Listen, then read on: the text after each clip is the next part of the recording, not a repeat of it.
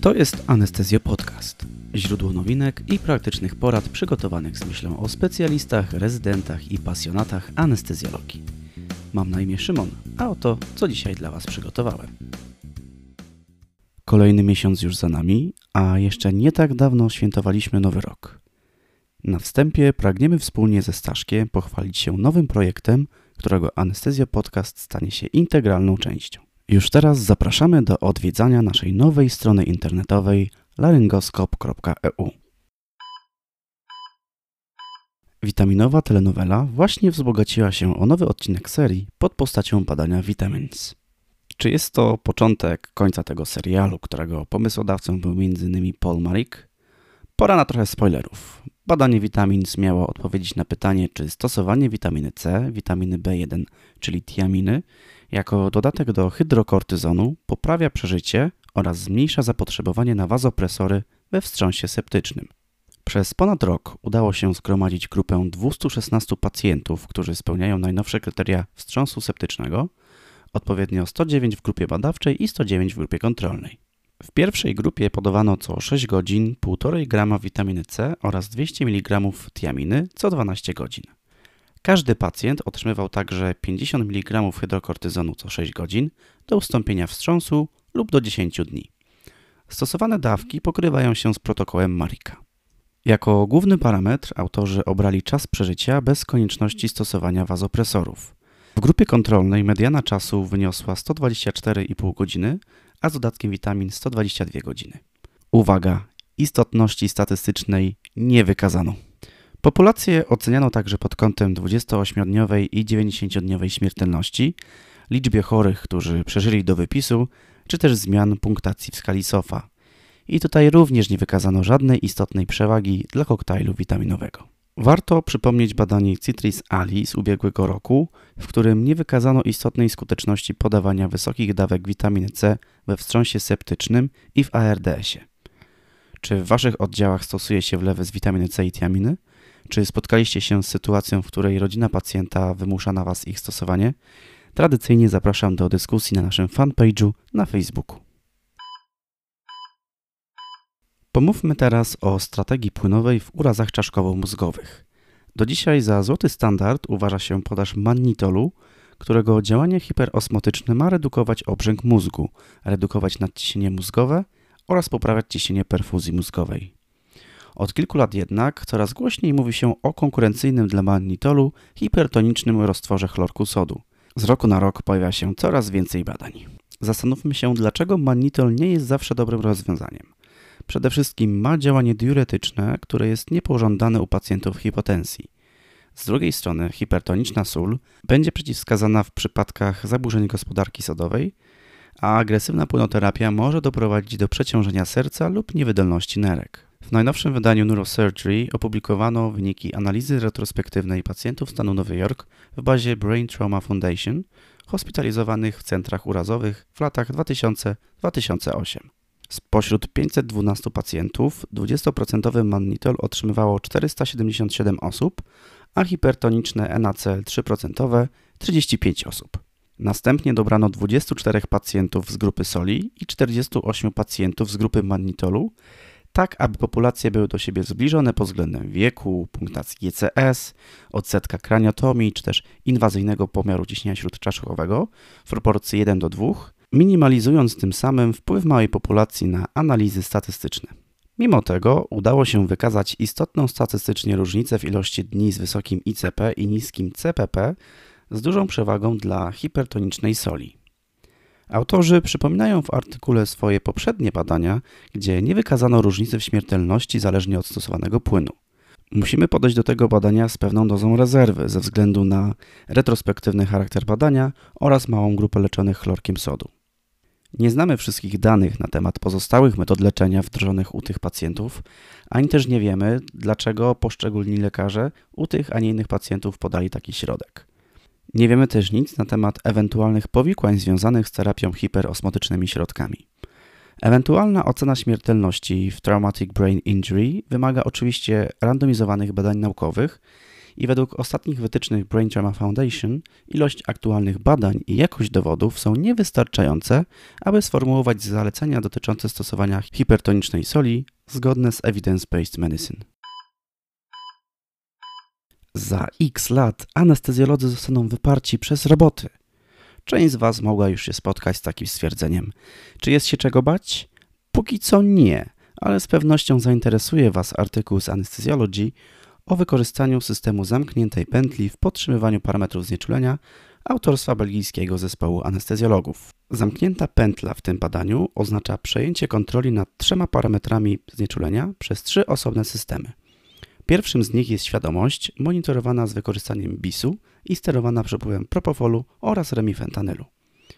Drugi system odpowiadał za oddychanie oceniane poziomem ETCO2 i kontrolował je przez zmianę objętości oddechowej oraz częstości oddechów. Ostatni system nadzorował podaż hydroksyotylowanej skrobi, uwzględniając objętość wyrzutową, czynność serca, średnie ciśnienie tętnicze i zmienność objętości wyrzutowej.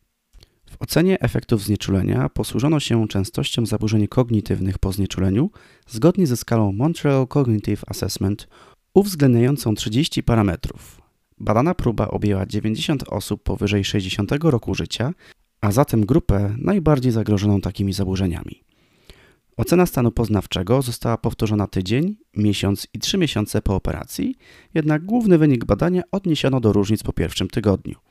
W grupie znieczulanych z pomocą zamkniętej pętli mediana wyniku pozostała taka sama, natomiast w grupie znieczulanych tradycyjnie wynik był zwykle mniejszy o jeden punkt. Warto zwrócić uwagę na ilość interwencji, które podejmował system.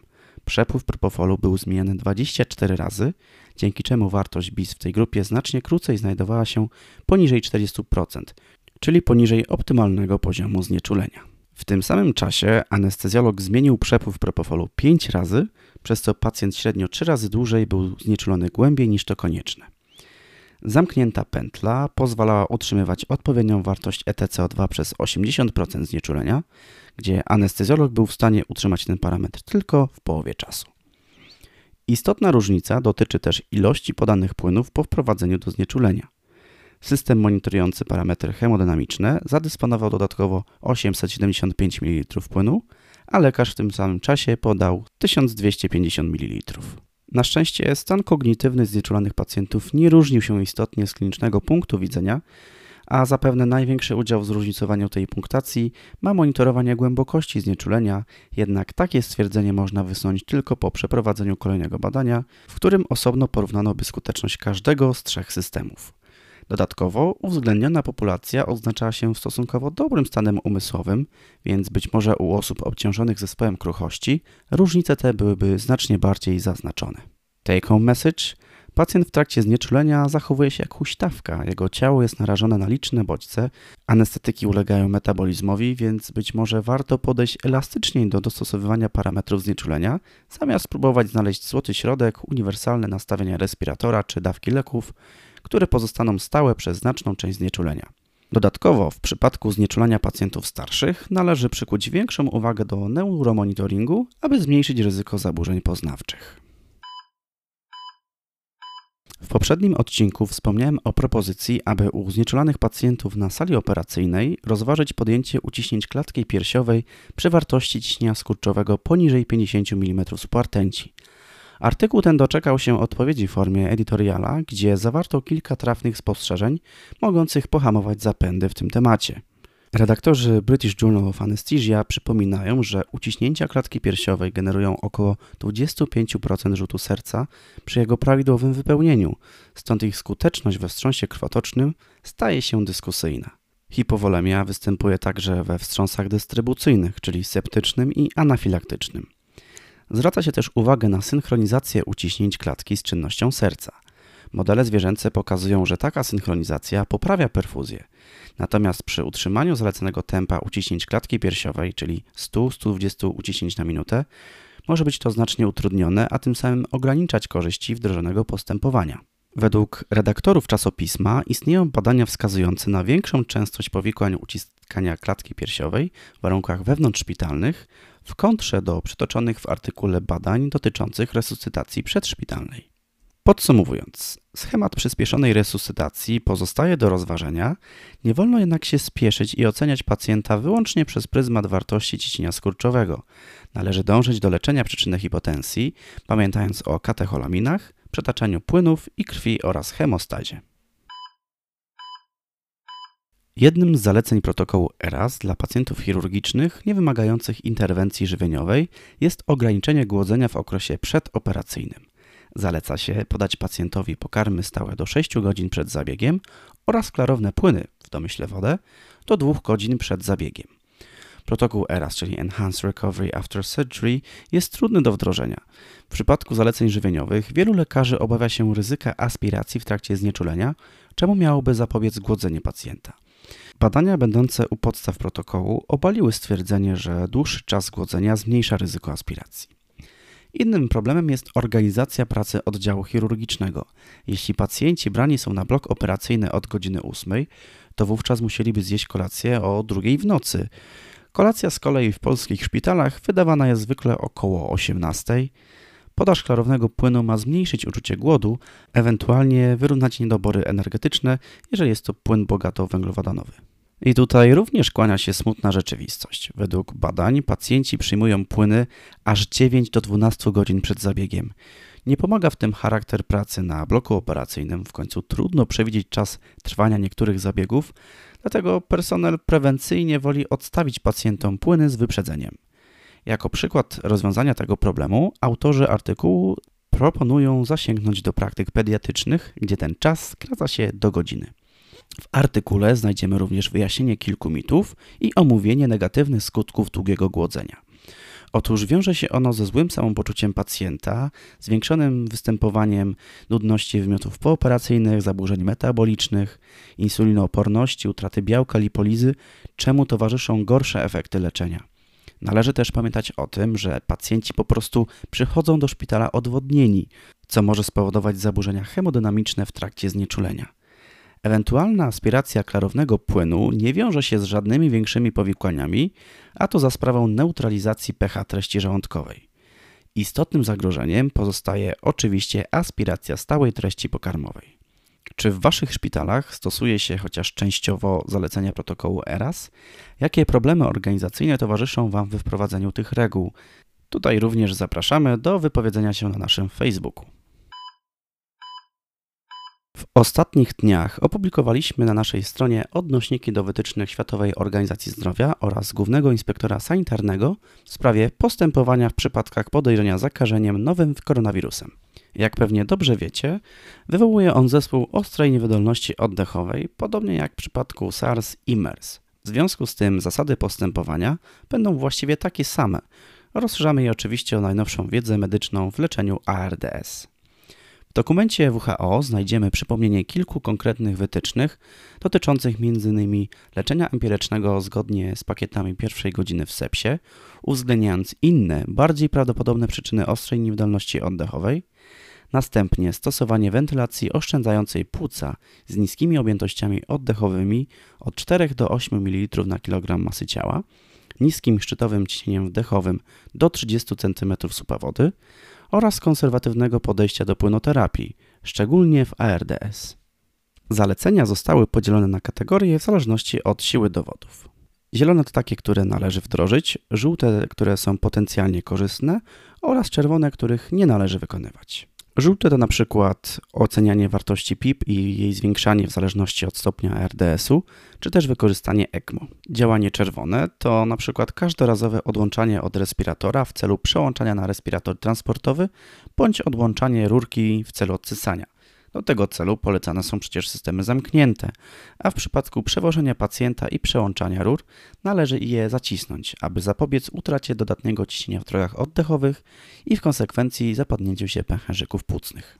Dodatkowo przedstawiam Wam wskazówki przygotowane przez anestezjologów z Toronto dotyczących bezpiecznej intubacji u pacjentów z podejrzeniem zarażenia koronawirusem.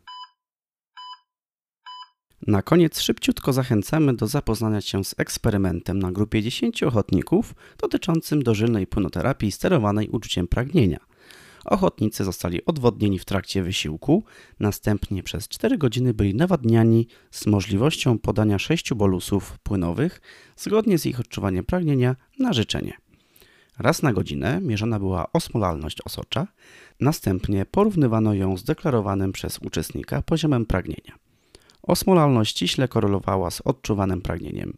Zdrowi ochotnicy są w stanie dobrze skontrolować swoją płynoterapię zależnie od bieżących potrzeb przy małym ryzyku przeładowania płynami, natomiast pozostaje otwarte pytanie, co z osobami starszymi, u których odczuwanie pragnienia jest istotnie zaburzone. Dziękuję za uwagę i raz jeszcze zapraszam na stronę internetową laryngoskop.eu. Do usłyszenia.